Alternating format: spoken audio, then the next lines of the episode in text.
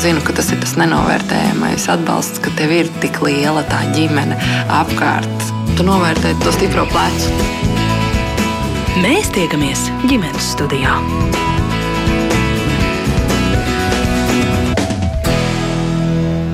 Labdien! No Latvijas radio viens ģimenes studijas jūs sveicinās Agnese Linka un arī visa šī raidījuma radošā komanda. Un šodien raidījumā labdarības maratonam dod pieci gatavojoties sarunu par vardarbību ģimenē. Apburtais lokus - vārdarbība ģimenē. Pēta un analizē Latvijas sabiedriskie mediji sadarbībā ar pētnieciskā žurnālistikas centru Rebaltika. Par varmāku neviens nepiedzimst, un tomēr vardarbīgu cilvēku mūsu vidū ir nemazums. Kādēļ tad bērni, kas piedzimst tīri un nevainīgi, kā mums patīk uzskatīt par Tādiem izaug, izaug par vardarbīgiem pieaugušajiem, iespējams, kādas kļūdas ir pieļautas viņu audzināšanā, vai varbūt vaina meklējuma galvenokārt sociālajos apstākļos vai vidē, kādā bērns ir spiests atrasties. Kāds ir varmākas portrets un kā iespējams novērst vai mazināt šādas personības attīstīšanos, par to sarunu šodien ģimenes studijā un ar mums telefoniski kopā šodien ir tiesību zinātņu doktore un tieslietu ministra padomniece Ilona Kronberga. Labdien, Ilona! Labdien! Un arī dzene kognitīvi behaviorālā psihoterapeita Gunita Kleinberga. Labdien, Gunita! Labdien! Sākšu ar jautājumu, vai jūs piekrītat tādam apgalvojumam, ka par varmāku nepiedzimst, ka par tādu kļūst kādu apstākļu ietekmē, un ja jā, tad kas ir šie personību tādā virzienā ietekmējošie faktori? Ilona? Um, nu es neesmu mediķis, es esmu jurists, tā kā varēšu atbildēt tikai daļēji. Uh, nu, noteikti ir ļoti daudz faktoru, kas uh, cilvēku dzīvē uh, arī nu, noved pie tādām personis, personiskām īpašībām, kas vēlāk izpaužas kā varmācīga rīcība. Jums ir ļoti plaša pieredze bērnu tiesību aizsardzības jautājumos, arī probācijas jautājumos. Noteikti par šo ir viedoklis. Um, nu, es varu teikt, ka, protams, ka tā pieredze, ko cilvēks gūst uh, um, no apkārtējās sabiedrības. Un, um, ir liela nozīme tajā, kā cilvēks tālāk veidojās kā personība. Uh, to jau mēs redzam, tas galīgais punkts uh, šādai uh, vardarbīgai rīcībai noved cilvēkus uh, uh, tieslietu sistēmas vadotības iestāžu, ieslodzījuma pārvaldes un valsts probācijas dienas redzes lokā. Uh, bet, nu, protams, ka tas uh, pamat uzdevums ir uh, sabiedrībai pietiekami labi bruņoties uh, ar zināšanām, lai šādus um, fenomenus izprastu, uh, prastu uz tiem pareizi reaģēt un adekvāti rīkoties šajās situācijās. Es domāju, uh, divas lietas. Pirmā, lai paši nekļūtu par vardarbības veicējiem un lai nekļūtu arī par vardarbības upuriem. Paldies, Gunita! Kā tu teiktu, kas ir tie apstākļi, kas ietekmē vārdarbīgas personības veidošanos? Mm.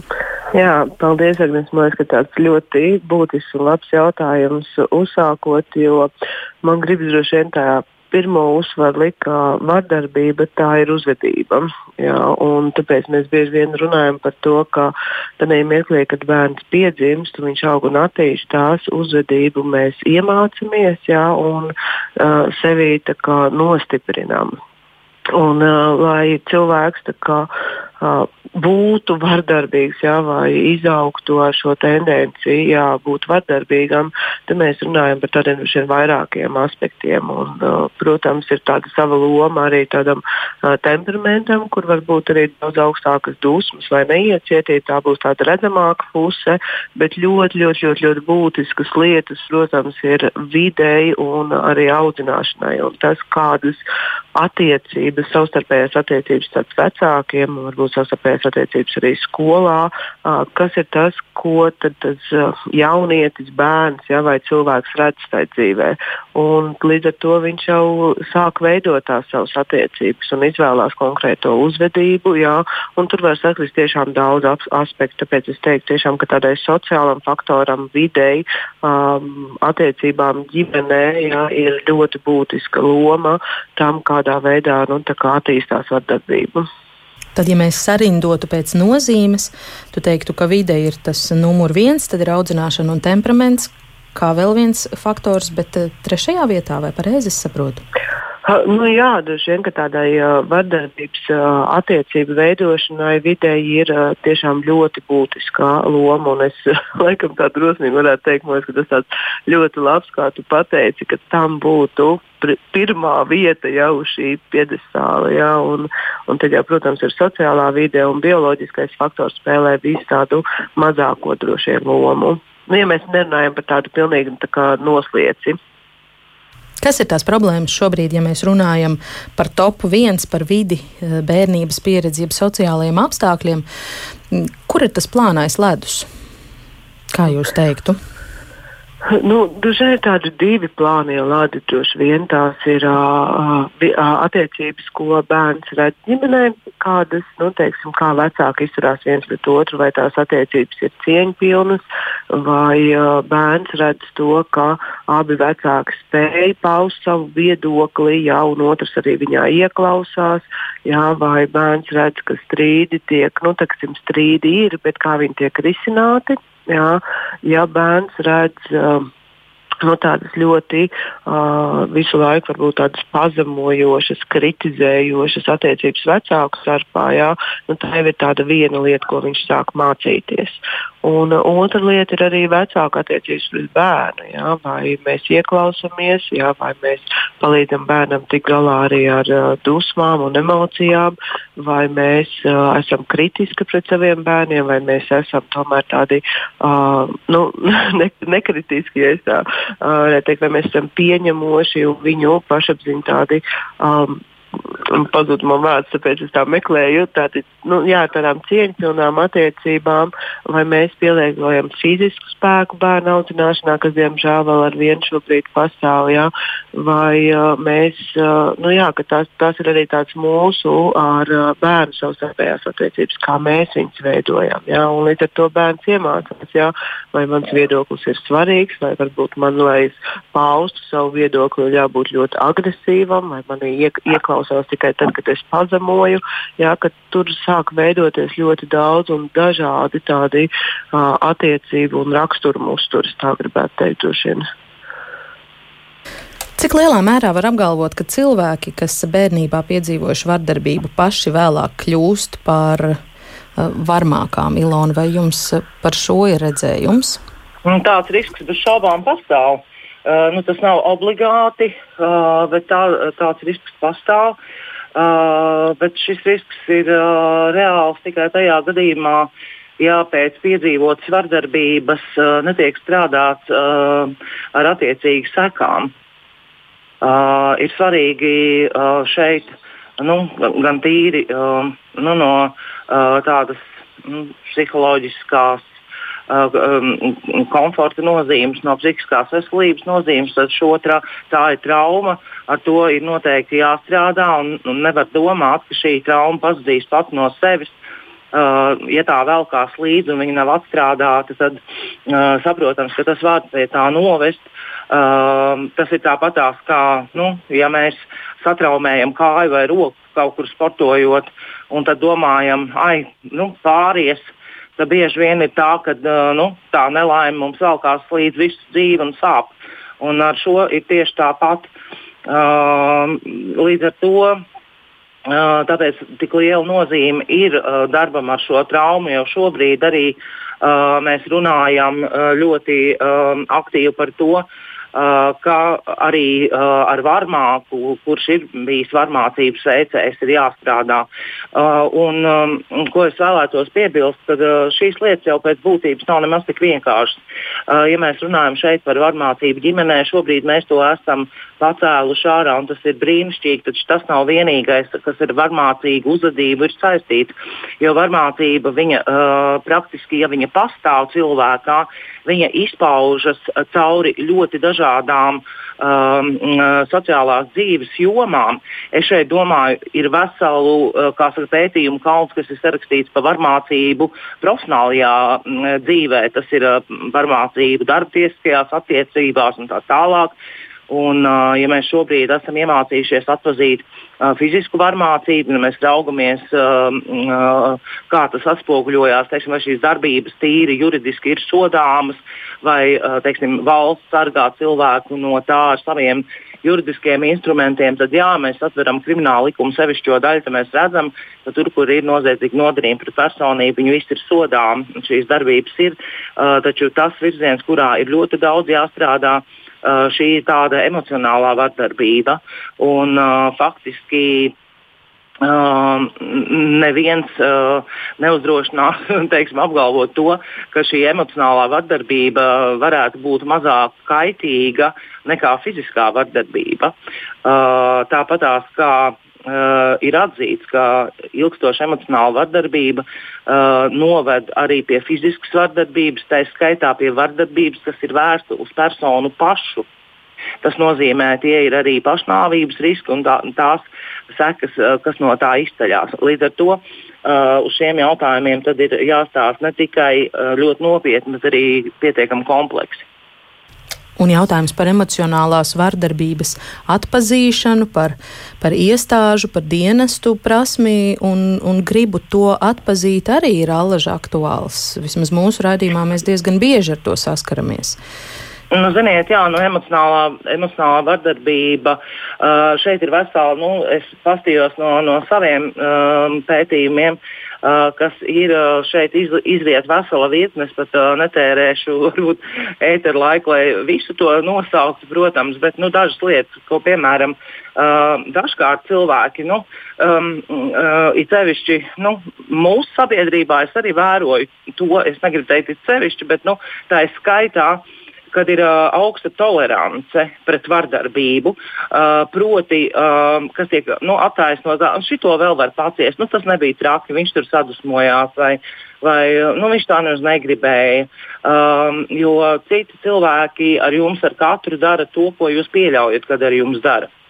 Un, uh, šī vardarbības latiņa, protams, pie mums ir ļoti augsta, un viņa tagad uh, ir sakustējusies, un, un um, viņa sāk uh, nu, um, piepildīties ar cilvēku izpratni, un viņa kļūst ar vien ar vien tāda zemāka, ka cilvēki tomēr saprot, ka tā ir uh, katra cilvēka uh, cieņas jautājums un uh, ka neviens uh, šo cieņu nedrīkst mazināt. Nu, piemēram, tā ir kontrolējoša uzvedība. Ja? Tā šķiet, ka it kā kontrolējoša uzvedība ir ok, bet tā tas nav. Un, uh, praktiski tā kontrolējošā uzvedība uh, nevar tikt reducēta piemēram uz rūpēm par, par partneri, piemēram, laulībā. Vai bērnu? Un, vai, eh, vai par rūpēm par bērnu. Ja, šāda kontrolējoša uzvedība, protams, nodara kaitējumu. Vai, piemēram, nu, jauni cilvēki iepazīstās, veido attiecības, un tad notiek tā, ka nu, to sauc par tādu ātrā iesaisti, jeb uh, ka bieži vien uh, cilvēki ātri iepazīstās, un, un otrā puse ir ārkārtīgi uzstājīga uz to, lai, piemēram, tiktu, uh, tiktu noslēgta laulība, uh, un tur ir kaut kādi nepilni seši mēneši, jau viņš pārceļās pie meitenes uz dzīvi vai otrādi, un jau ir sadarbinājušies un apprecējušies. Un visu laiku ir, tāda, visu laiku ir tāds nu, tā spiediens, spiediens, visu laiku ātrāk un ātrāk. Un uh, upuris šādos gadījumos bieži vien uh, jūtas vainīgs, ja tas temps ir jāpalēnina. Nu, viņš grib tā kā jau jūt, ka tas sāks macēt. Nu, tādas, piemēram, nu, lietas vai tāda vēl ir viena tāda lieta, nu, kas ir arī nu, sastopama un diezgan spilgti. Es esmu redzējusi, kur ir aprakstīta nu, vairākos spriedumos tāda līdzīga rīcība, kas ir izolēšana. Uh, nu, piemēram, ka pāri darītājs nu, mēģina izolēt savu partneri, pirmām kārtām uh, tiek pārtrauktas un ierobežotas attiecības ar tiem cilvēkiem, kam ir uh, šī uh, topošā, jeb jau esošā upura dzīvē pietiekami liela nozīme. Tie ir vecāki, uh, tie ir brāļi un māsas. Un, uh, praktiski šī, šī izolācija uh, va, vardarbības veicējiem ļauj norobežot šo cilvēku no visiem tiem uh, kam tiešām tas otrs cilvēks rūp, kas ir viņa ģimenes loceklis, lai varētu netraucēti, ja, netraucēti uh, manipulēt ar šo cilvēku. Uh, vai arī, piemēram, tādi cilvēki, kuriem ir, uh, nu, kuri pauž tādu ārkārtīgi zemu nu, pašvērtību, vaino citus, uh, ka jūs man nodarat pāri, es to negribu. Uh, un uz tā liek justies otram vainīgam. Kā, nu, šīs ir tādas manipulācijas. Un, saprotams, es nevēlu, es neesmu psihologs, tāpēc es tā kā, neturpināšu šo stāstu. Noteikti kolēģi, kas vairāk to pārzina, bet tas, ko es vēlos teikt, ka šādas manipulācijas bieži vien mēs redzam, tā, kad mēs raugamies, kā tik briesmīgs noziedzīgs nodarījums varēja notikt. Nu, tad mēs redzam, ka tieši šīs lietas, ko psihologi jau ir definējuši, viņi parādās konkrētās krimināla lietās pēc tam, kad ir notikusi noziedzīga nodarījuma. Un atkal, atkal man gribas atgriezties gradzena veida kompozīcijā pie paša raidījuma sākumā uzdotā jautājuma, kāpēc tad tomēr mazs, nevainīgs, tīrs cilvēkbērns, kurš ir ienācis šajā pasaulē kā balta lapa, uh, kļūst par kaut ko tādu, ko nu pat Ilona diezgan plaši raksturoja. Es varbūt nolasīšu kādu klausītāju komentāru, kurš um, raksta, ka diemžēl vardarbība var būt iedzimta, ko zinātnieki ar piemēriem pierāda, ka cilvēkiem ir iedzimta šīs te tendences, uh, un, protams, ka vairums ir vidas un individu miera, miedarbības izraisīti, bet viņš norāda uz to, ka jā, arī šie te, uh, ģenētiskie uh, faktori var būt mm, to ietekmē, vai jūs šim sliekt, sliektos piekrist, Gunita? Mm -hmm. Es varbūt Agnēs varu nokomentēt, ka uh, mums šeit ir jādala tādas divas lietas, uh, ko mēs saprotam ar iedzimtu vardarbību. Jo cilvēks jau agresīvs, uh, var, nu, tā kā jā, mums ir dusmas, jā, mums uh, var būt agresīva vai vardarbīga rīcība, bet tas, par ko mēs šodien runājam, ir par attiecībām, kuras atkārtojās, un tā vardarbīga at, uh, attieksme pret otru cilvēku, kad viņi atkārtojas. Un tas jau ir drusku par kaut ko citu. nu, man man tikai gribās atdalīt to jēdzienu, kas ir vardarbība, jā, kur mēs varbūt, jā, cilvēks, nu, tiešām var uh, rīkoties vardarbīgi, jā, bet tad viņš saprot, ok, šis bija tiešām par daudz, es ļoti atvainojos, un es izanalizēju sevi, vai varbūt saprotu, ka es rīkojos nepareizi, un es tiešām to vairs neatkārtoju. Jā. Bet, ja mēs runājam par attiecībām, kas ir kā partnerattiecības un kur cilvēks ir vardarbīgs, tad tas ir par sociālajām attiecībām. Jā, tas vairāk ir kaut kas tāds, ko mēs um, nu, kā, ja ģimenē ir bijis vairākās paudzēs vardarbīgas attiecības, jā, tad mēs varam pateikt, nu, teiksim, ka tas ir pārmantots uzvedības attiecību veids jā, kur mēs jau no paudzes paudzē nododam reizēm, bet nu, teiksim, tas ļoti varbūt stingri varētu parādīties ar tādiem stereotipiem jā, par tādu sieviešu vai vīriešu lomu, jā, vai kādam ir jābūt, kādai ir jābūt sievietei, kas arī ir viena no tādām emocionālas vardarbības formām, jā, kā tev man ir jāklausa, jā, ka tev ir, kad es esmu ģimenē galvenais, nes tā tiešām tā kā pa sieviešu vīriešu attiecībām, jā, un tad tās varbūt tiešām no paudzes uz paudzes nodos, bet tas būs attiecību modelis, kas ir nodots. Ja? Tas nav stāsts par to ģenētisko vardarbību, kur tiešām mēs aizstāvoties vai mēdzam kaut kādās tiešām stresa reakcijās ļoti izteikti. Nu, pēkšņi kaut kas notiek, tiešām rīkojamies kā uh, vardarbība, bet tas nav katru dienu mums raksturīgs. Pie vardarbīgām attiecībām tas tomēr sākās, uh, viņas sākās parasti tomēr tā ļoti jauki un ļoti skaisti, un diemžēl tam vardarbības portretam nekad nevienam nebūs raksts rakstīts, jā, pēc tādām ārējām pazīmēm mēs nekad nepateiksim, šis cilvēks būs vardarbīgs, uzmanies. Jā, kad viņas vairāk notiek ļoti, ļoti, ļoti pakāpeniskā veidā. Jā, un, uh, tas ir par iemācītu uh, uzvedību vai apgūtiem uzvedības veidiem. Un drusku arī nu, atbildot uz to jautājumu par to uh, pieredzi, ja, kā, nu, ka mēs atkārtojam, un ja cilvēks ir cietis bērnībā no vardarbības, ja, vai ticis pazemots, ja, un uh, tas bija mamma vai tētis, tad, uh, diemžēl, ļoti bieži mēs agri vai vēl tomēr iekāpjam atkal šajā vardarbības aplī iekšā. Īpaši tad, ja mēs tomēr ar viņu nestrādājam. Ja mēs nestrādājam ar attiecībām, ja mēs nestrādājam ar tām sekām, kuras ir bijušas, tad cilvēki tomēr iekāpja šai vardarbības aplī iekšā. Un tas varbūt nebūs tik īsti, nu, varbūt tā būs cita vardarbīgo, vardarbīgo attiecību forma, bet viņa vienalga būs. Jā, tas, nu, Tagad es varu dot Agnēs tev tālāk. Vārdu. Jā, es sapratu. Mm, Ilona, es gribu parunāt vēl par tādu šķiet nopietnu stigmu, kas eh, pastāv attiecībā uz dažādu sociālo slāņu ģimenēm. Mm, šķiet, ka ir diezgan izplatīts tas pieņēmums, ka tie, kas auga sociāli mazāk labvēlīgos apstākļos un, un tur, kur ir klātesošas varbūt kādas atkarības, mm, ka tur šis vardarbības ģimenē risks ir eh, daudz, daudz lielāks, bet, nu, saka tie, kas te labklājībā saņem labu izglītību un dažādas materiālas priekšrocības, ka tie eh, ar mazāku iespēju taps par varmācīgiem cilvēkiem. Un tomēr droši vien notiek arī tā, mm, Ko jūs par eh, šo domājat? Tas nozīmē, ka sociālā vide nav tā vienīgā, kas šo visu nosaka. Uh, nu, uh, pirmkārt, uh, es gribu sākt ar, uh, ar to labklājību, nu, ko mēs katrs uzskatām par labklājību. Uh, man ir uh, kaut kāds jau laikam desmit gadi, ir uh, viens no tādiem mm, spilgtākiem tādiem pētījumiem uh, par preventīvām metodēm, ar kādām mēs varam uh, kā, pasargāt bērnus no saskaršanas ar noziedzību. Un, um, tur arī mums bija mm, tādas kā testa grupas, um, kur mēs pielietojam dažādas metodes uh, darbā ar bērniem.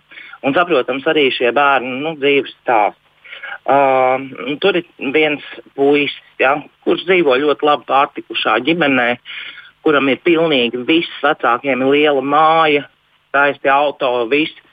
Nu, tad, kad uh, mēs uh, bērnu pildījām tādu nelielu anketu, bērniem ir jau 15, 16 gadi, pietiekami nu, augušies. Uh, Uh, un tad ir, nu, ko, ko katrs bērns grib. Un, protams, tiem bērniem, visiem tajā testa grupā, viņiem jau ir uh, uzvedība, kas jau ir uz riska robežas, novirzi no tā, kas ir uh, tā virzībā, tas uz darbībām, kas ir aizliegts uh, gan pirmā likumā, gan um, administratīvās atbildības nozīmē.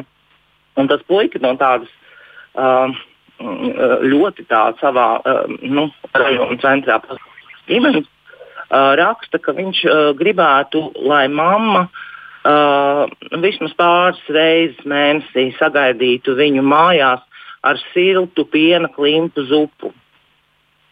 Un viņš par to būtu gatavs atdot savu jauno BMW velosipēdu. Uh, jā, un tad mēs tad domājam, jā, kas tad ir tā labklājība. Tā labklājība uh, rāda to, ka tam puikam neklājas labi. Un uh, labklājība ir tad, kad ir arī emocionālā komforta zona, uh, vai tas ir pieaugušais vai bērns, neatkarīgi no tā. Jo sevišķi bērnam, tad, kad viņam ir tas brīdis, kad veidojās personība, tas brīdis, kad gribās izaicināt un pārbaudīt arī robežas. Un, uh, mēs varam audzināt uh, bērnus, kā mēs gribam. Viņi vienalga izaugs tieši tādi paši kā mēs. Vārdi nestrādā. Strādā tikai tas, kā mēs ikdienā paši uzvedamies un, un, un, un kā mēs uh, organizējam savu dzīvi. Strādā tas, kā mēs realizējam praksē savas vērtības. Un, ja mēs sakām, ka mūsu vērtības ir vienas, bet rīkojamies pretēji, tad bērni iemācās melot, iemācās divkosību, pielīšanu, iemācās manipulāciju. Un, kā, tas uh, praktiski ģimenē, ja ir savstarpēja sapratne un mīlestība, tad ir arī tā labklājība. Un, uh, manuprāt, tas ir pats pats galvenais, uh, uz ko pie kā būtu jāpiedomā. Nu, ja tā mēs nonākam pie pie šīs vecās patiesības, ka kaut ko var mainīt tikai skaidrojot šī brīža vecākiem un šī brīža vecāku paaudzei mainot savus eh, paradumus un, un, un atceroties, kas viņiem, jeb mums, es varu runāt arī par sevi un savu paudzi, kas mums jāpatur prātā, audzinot savus bērnus, lai neprovocētu tiešām viņos eh, šādas problēmas. Gunit. Uh, stāsts ir par to, ka ir uh, faktiski uh, nu, uh, pat man pat negribētos lietot vārdu audzināšana. Nu, ko mēs varam audzināt? Ja? Mēs visi katrs pats esam audzināmi, un uh, tā tā augšana notiek līdz mūža beigām. Uh, bet uh, jebkurā gadījumā uh, mums ir jāsaprot, ka tās, tās, kas veido bērnu, ir attiecības. Un šīs attiecības, ko bērns redz, veido pozitīvas uh, uzvedības modeļus, jeb šo ne pozitīvus, bet, bet vēlamos, vēlamos uzvedības modeļus. Uh, tas ir kā um, vienkārši sarežģītās situācijās. Uh, dažkārt tiek izdotas, uh, nu, izdotas pat instrukcijas, ja, kā cilvēkam būtu jāuzvedās. Nu, piemēram, tā, kad ir pazaudētas kaut kādas mašīnas atslēgas vai, vai, vai ir kaut kas cits noticis, jā, vai nu, ir, uh, kā, kā izdzīvot mežā. Nu, te ir instrukcijas. Nu, tāpat tās, kā dzīvot šajā pasaulē. Uh, tās uzvedības metodes mēs ar savu uzvedību, saviem uh, ar saviem piemēriem rādām to bērniem. Un to nevar izstāstīt. To var tikai ieviest, uh, realizējot konkrētus uzvedības modeļus un iemācās tos ar atkārtošanu. Tas nepietiek, ka vienreiz tu parādīji. Tev ir jādzīvo pašam tajā, un tad arī tic. Gunita. Mhm. Jā, kad es tā klausoties, es domāju, ka ir Uh, nu jā, tad es, uh, drusku apmaldījos savā domās. Tāpēc, es, uh, tas, kas man liekas, ir ļoti svarīgi, es nokomentēju Agnes. Uh, pirmkārt, tiešām vardarbība, viņa notiek jebkuros slāņos. Vienīgā problēma droši vien tas ir visgrūtākais, ja mēs runājam par sociāli ļoti labvēlīgu, tīri finansiāli labvēlīgu uh, slāni tas, kas notiek, ļoti bieži cilvēki uh, negrib ticēt, ka šajās ģimenēs kaut kas tāds varētu notikt, ka vecāki vai arī partneru attiecības varētu būt uh, vardarbīgas. Jā, un pat tādā situācijās, ar ko es bieži vien esmu arī praksē saskārusies, ka uh, tad, ja mums ir aizdomas, mēs kaut kā mēģinām, nu, mums ir grūti tam noticēt, ka tas tā tomēr ir. Jā. Un, ja bērni jūtas ļoti vientuļi vai pamesti, un, un šeit mēs runājam par tādiem tiešām pamešanu novārtā no tāda attiecības ziņa, tad uh, sociāli labvēlīgā slānī mēs vairāk tiešām pieveram acis uz šīm lietām. Jā, un uh, vairāk mēs redzam situācijas, tur, kur ir sociāli nelabvēlīgas vai nu, cilvēki ar zemākiem ienākumiem tur kaut kā daudz ātrāk reaģējam saistībā ar to, ka um, jā, mums nav tik bailes, varbūt, vai ka mēs nejūtamies tik nedroši sākt šīs situācijas risināt nekā saistībā ar sociāli labvēlīgu slāni. Es runāju par materiālo nodrošinājumu. Jā, un, Un tur es domāju, ka ir šī milzīga atšķirība, un arī cilvēki vai arī partneri, kuri ir šajās attiecībās pie varda, tā vardarbības portreta, ir ļoti bieži tas, ka mm, nu, viņiem ir tik daudz un dažādas sejas tajā vardarbībai. Un īpaši tur neiemeklē, ka tā vardarbība sākās partneru attiecībās vai attiecībās vispār. Uh, cilvēki, tad, kad jau tās attiecības ir nostiprinājušās, viņi pat baidās atzīt, viņiem ir kauns atzīt par to, ka viņi nav redzējuši, ka partneris būs vardarbīgs. Uh, viņiem reizēm šķiet, ka uh, viņi izjūt ļoti lielu vainas apziņu, ka es kaut ko daru nepareizi, ka man tikai ir jācenšas vairāk, jā, vai nu kā nu viņš taču ārpusē, jā, ka šis partneris izskatās tik burvīgs, jā, tad uh, neviens jau man neticēs. Jā, un, un tas, tas laikam ir tas pats grūtākais, ko vispār mainīt un, un kā, uh, kā ietekmēt. Un līdz ar to, ka tā viena no lietām es tomēr uzskatu, ka ir ļoti, ļoti, ļoti svarīgi cilvēkus izglītot un rādīt arī ar tādiem piemēriem, jo arī ģimenē, tur, kur aug bērni, tā vardarbības seja un veids, kā, uh, ko bērns redz, cik dažādi var būt vardarbība, ka mēs pat uh, to varam neatpazīt kā vardarbību. Jā, bet visu laiku var būt iekšā tāda sajūta, nu, ka tas tomēr nav labi. Jā, ka tās robežas manas tiek pārkāptas, un tomēr tā iekšējā sajūta ir ļoti nepatīkama. Un, um, ja mēs runājam par tādu bērnu audzināšanu vai tas, ko bērni redz, nu, uh, vecāku uzdevums ir audzināt bērnus. Jā. Viens ir tomēr tāda audzināšana, bet bērns jau redz attiecīgi, nu, man liekas, ka, ja mēs runājam par bērnu audzināšanu, ir tādas divas lietas, jo bērns redz uh, partnerattiecības, kas ir savādāk nekā bērnu audzināšana, un tad ir bērnu audzināšana, kur mēs audzinām uh, jā, gan savā attieksmē, gan tādās lietās, jā, bet partneriem savā starpā ir arī uh, nezinu, strīdi vai labie mirkļi vai kopā būšanas laiks tad ir jautājums, vai bērns arī redz šīs lietas un kā viņas tiek risinātas. Ja? Un tad ir tas otrs, kā tas vecāks izturās pret to bērnu. Ja? Kad, kad te laikam ir, ir liekas, ka reizēm paralēli notiek pilnīgi divi procesi, kurus bērns nu, kā, uh, redz un novēro un ko viņš piedzīvo. Ja?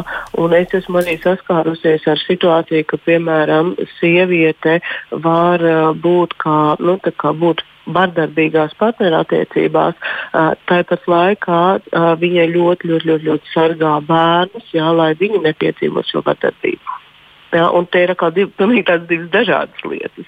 Ja, tāpēc ģimenē, ja, tur attīstās un veidojās daudzas lietas, bet uh, vienalga bērns augot un redzot, viņi, ja viņiem ir bijušas um, nu, kāds no viņu vajadzībām nav apmierināts. Es gribētu teikt, ļoti izteikti nav apmierināts, nu, piemēram, pēc uzmanības, jā, vai arī uh, pēc tādas emocionālas klātesamības, jā, vai arī viņi ir bijuši ļoti, ļoti, ļoti kritizēti, līdz ar to viņiem nav apmierināta tāda vajadzība pēc komplimentiem. Tad uh, izaugot, jā, viņi vienalga meklēs, kur var šīs vajadzības apmierināt, bet viņiem tie patērni ir izveidojušies tādi, ka viņi nonāks pie attiecībām, kuras tās vajadzības netiks apmierinātas. Mums ir vairāk interesanti klausītāju jautājumi, lai nolasīšu dažus no tiem. Amanda vaicā, vai tie ir laimīgi gadījumi, kad no vardarbīgām ģimenēm izaug stipri bērni, kas spēj šo ķēdi pārtraukt un mainīt, vai tomēr zināma likumsakarība, darot tieši pretēji piedzīvotajiem bērnībā?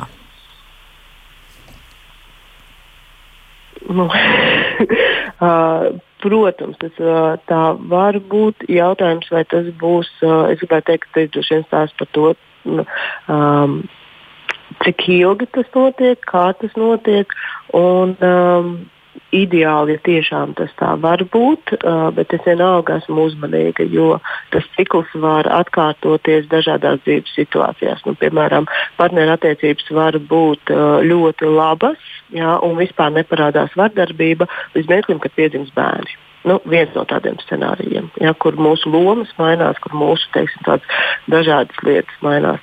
Ja, vai arī nu, teiksim, attiecības, nu, teiksim, tāds rozā vai iemīlēšanās mirklis, viņš var būt arī tāds ilgāks. Ja, un, um, piemēram, nonākam kādā krīzes vai tādā stresa situācijā, ja, kur uh, sāk tās attiecības atkal mainīties. Ja, uh, protams, uh, var būt gadījumi, kad tiešām cilvēki nu, pasaka, jā, ka es darīšu pilnīgi pretēji. Diemžēl es esmu vairāk piedzīvojis to, ka mēs nolēmām darīt pretēji, bet uh, vienalga kāpjam apakaļ uz tiem pašiem uh, grābekļiem, kur, uh, kurus mēs esam piedzīvojuši ļoti reti. Jā, man droši vien gribās tā ļoti izvairīgi teikt. Un, uh, tā, bet tas nozīmē to, ka tas, kur es parasti skatos, ja tā situācija, ja cilvēks tomēr ir nu, ne, nepiedzīvo atkārtot šādu veidu attiecības, kāds viņš ir pieredzējis, tad tomēr bērnībā būs bijis kāds uh, modelis vai kāds cilvēks, ar ko cilvēkam ir bijušas drošas, labas attiecības, un kas ir bijušas krasi savādākas uh, nekā varbūt uh, ģimenē piedzīvotais.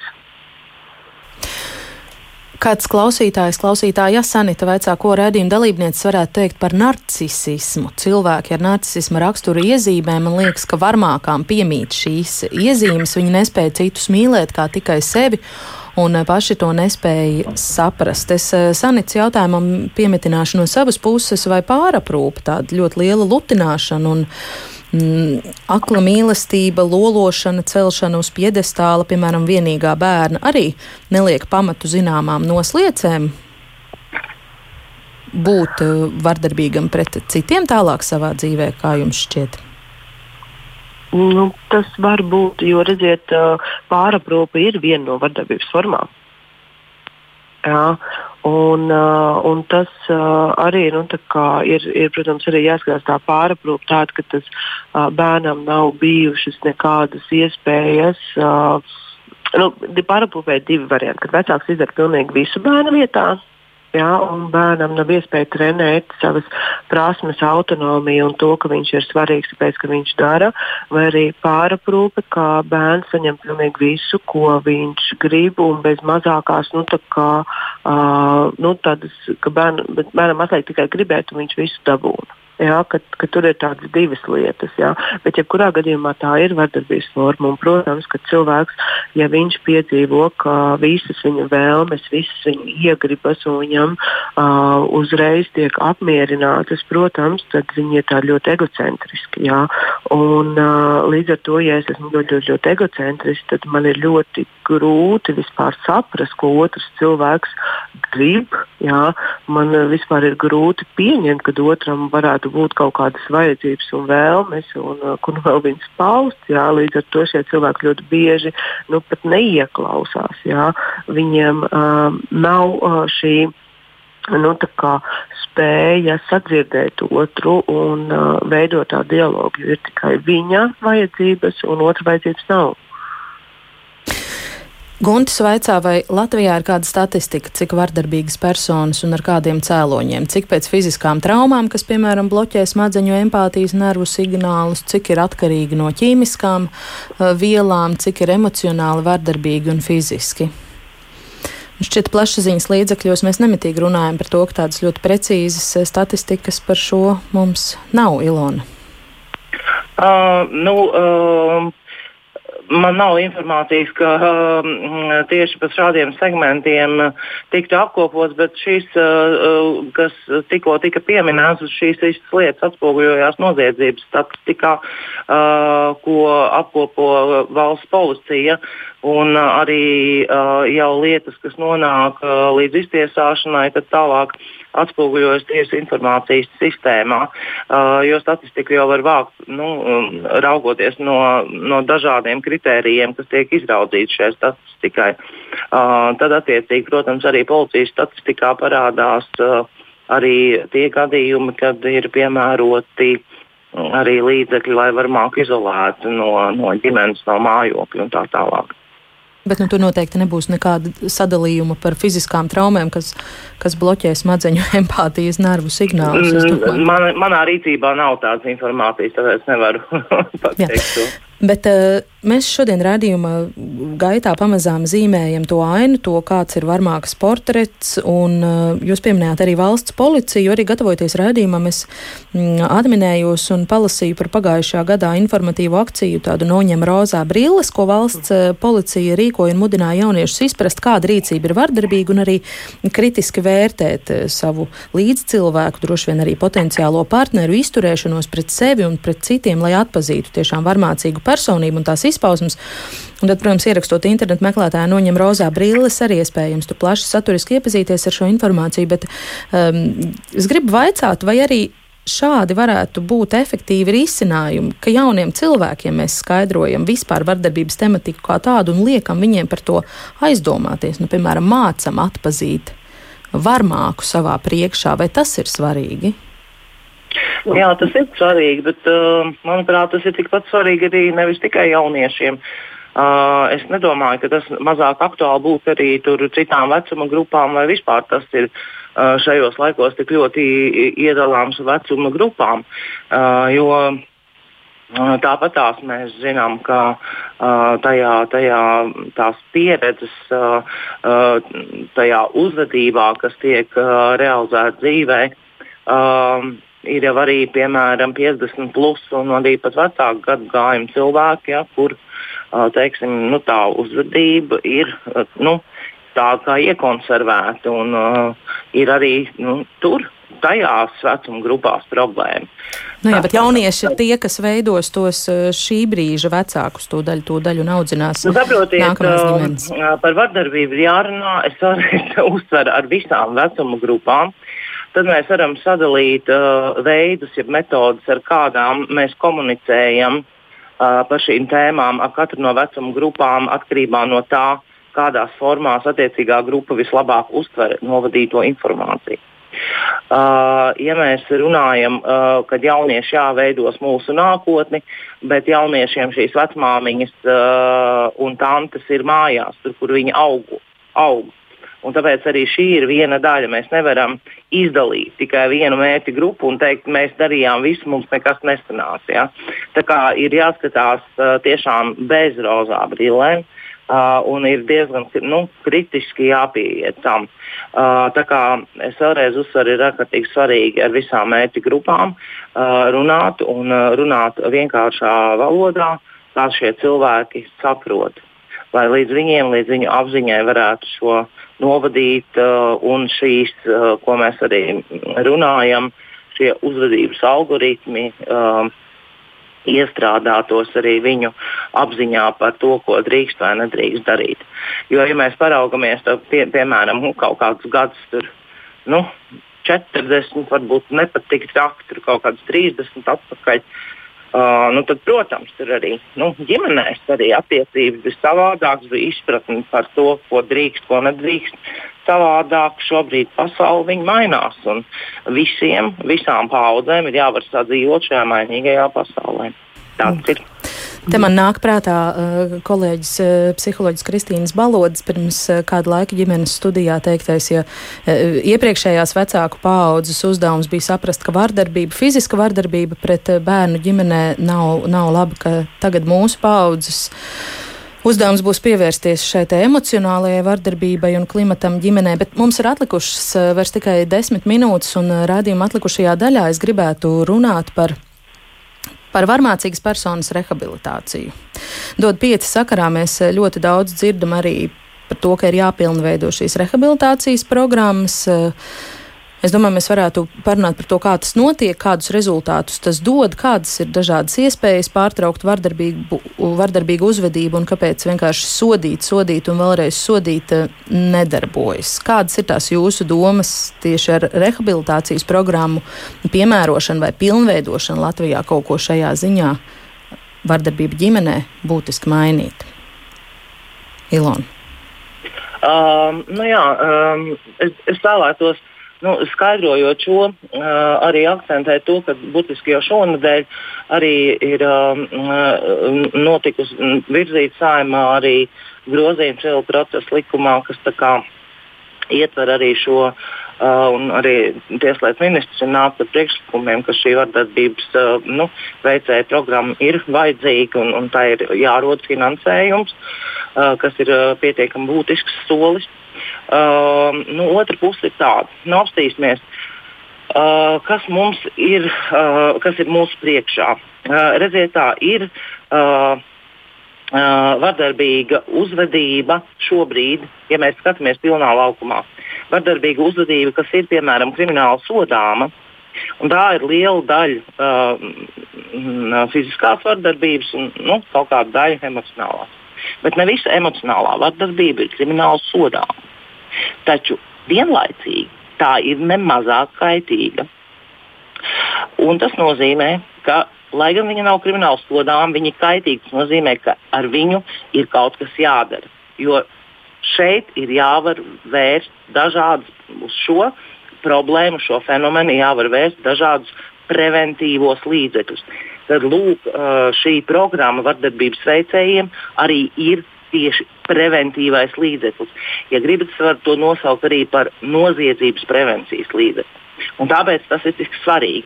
Otra lieta, ko vēlos ātri piebilst, mēs esam mūsu krimināla likuma 35. pantā ielikuši mērķi sodam. Kā nav mērķis cilvēku tikai sodīt, bet soda izpildes procesā ir nepieciešams resocializēt šo cilvēku, iepšu dot viņam spējas, un vēlmi atgriezties sociālā vidē, dzīvot likumpaklausīgu dzīvesveidu. Tad šeit ir tieši tas pats. Ja mēs visu laiku sodam ar kriminālu sodu vai ar administratīvu atbildību, vai mēs izturam, uh, dodam sabiedrības nosodījumu, ja gadījumā tas nav ne administratīvi, ne krimināli sodāms. Uh, mēs to cilvēku nevis resocializējam, nevis iekļaujam sabiedrībā, bet izstumjam no sabiedrības. Ja mēs viņu izstumjam no sabiedrības, tas nozīmē, ka viņš jutīsies aizskarts, viņš jutīsies dusmīgs un šī vardarbība pieaugs. Tāpēc ir vajadzīgas šīs visas lietas, kas arī bija ietverts jūsu jautājumā. Tad jātur tikai īkšķi par resursu palielinājumu šai jomai, politisko gribu to izdarīt.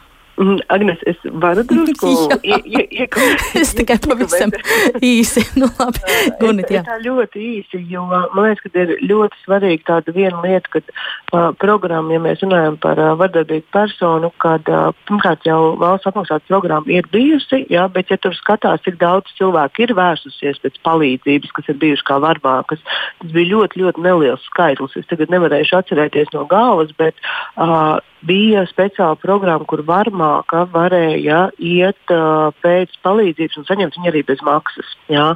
Bet tas cilvēku skaits, kas to izmanto, ir ārkārtīgi niecīgs. Jā.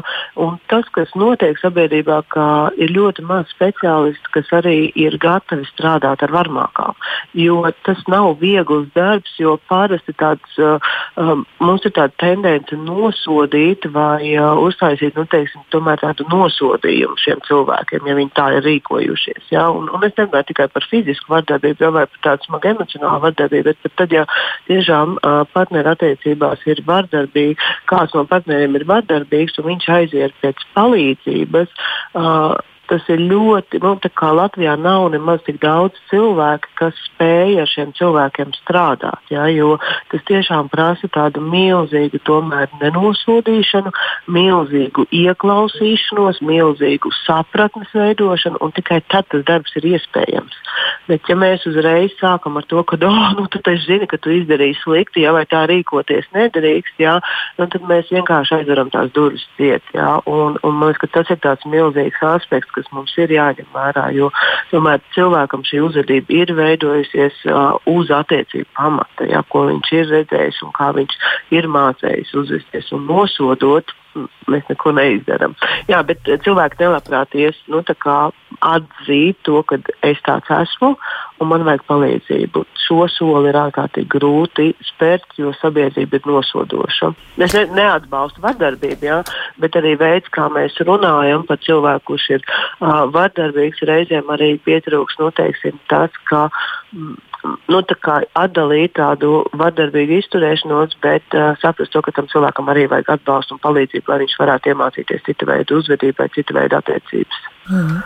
Tiešām laika pavisam maz, ja pavisam īsi varam, tad es pēdējo klausītāju jautājumu vēl nolasīšu. Kāds anonīms rakstītājs vaicā, vai šo vardarbīgo attiecību modeli, ko bērns ir iemācījies savā ģimenē, ir iespējams pārmācīt un mainīt ar mīlestību un pacietību, vai tomēr bez profesionālas palīdzības neiztikt? Nu, es šeit varētu atbildēt, tas ir jautājums par vecumu. Jo mūsu nu, teiksim, uzvedības un attiecības viņas pamats nostiprinās līdz astoņiem gadiem, un tad, protams, tā otra lieta ir pusaudža vecums. Jā, tāpēc arī tā izglītošana patiesībā pusaudža vecumā par attiecībām ir ārkārtīgi svarīga, ārkārtīgi būtiska, un tur vēl var ļoti daudz ko izdarīt.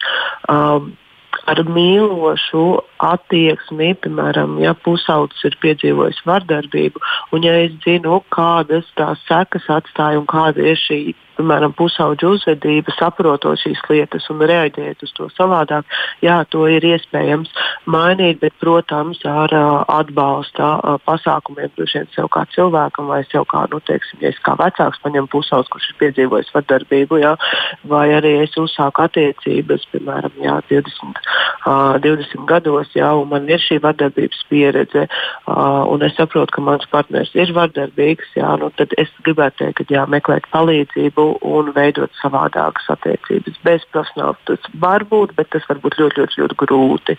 Ar profesionālu palīdzību tas var būt nu, arī grūti, jā, bet ilgtermiņā efektīvāk. Jā, vēl vairāk būtiski jautājumi arī no klausītāja puses iesūtīti paliek neatbildēti. Katrā ziņā paldies par tiem, paldies visiem rakstītājiem un visiem, kuri klausījās šo tematu. Mēs turpināsim, un arī labdarības maratons dod pieci, kas sākas jau nākamā nedēļa. Par to runās gari un plaši. Šodien paldies par sarunu ģimenes studijā. Es saku Tieslietu ministra padomniecei Ilonai Kronbergai un arī psihoterapeitai Gunetai Kleinbergai. Un pie radījuma ģimenes studiju tapšanas šodien strādāja Ilza Zvaigzne, Jana Dreimana un es Agnese Linka.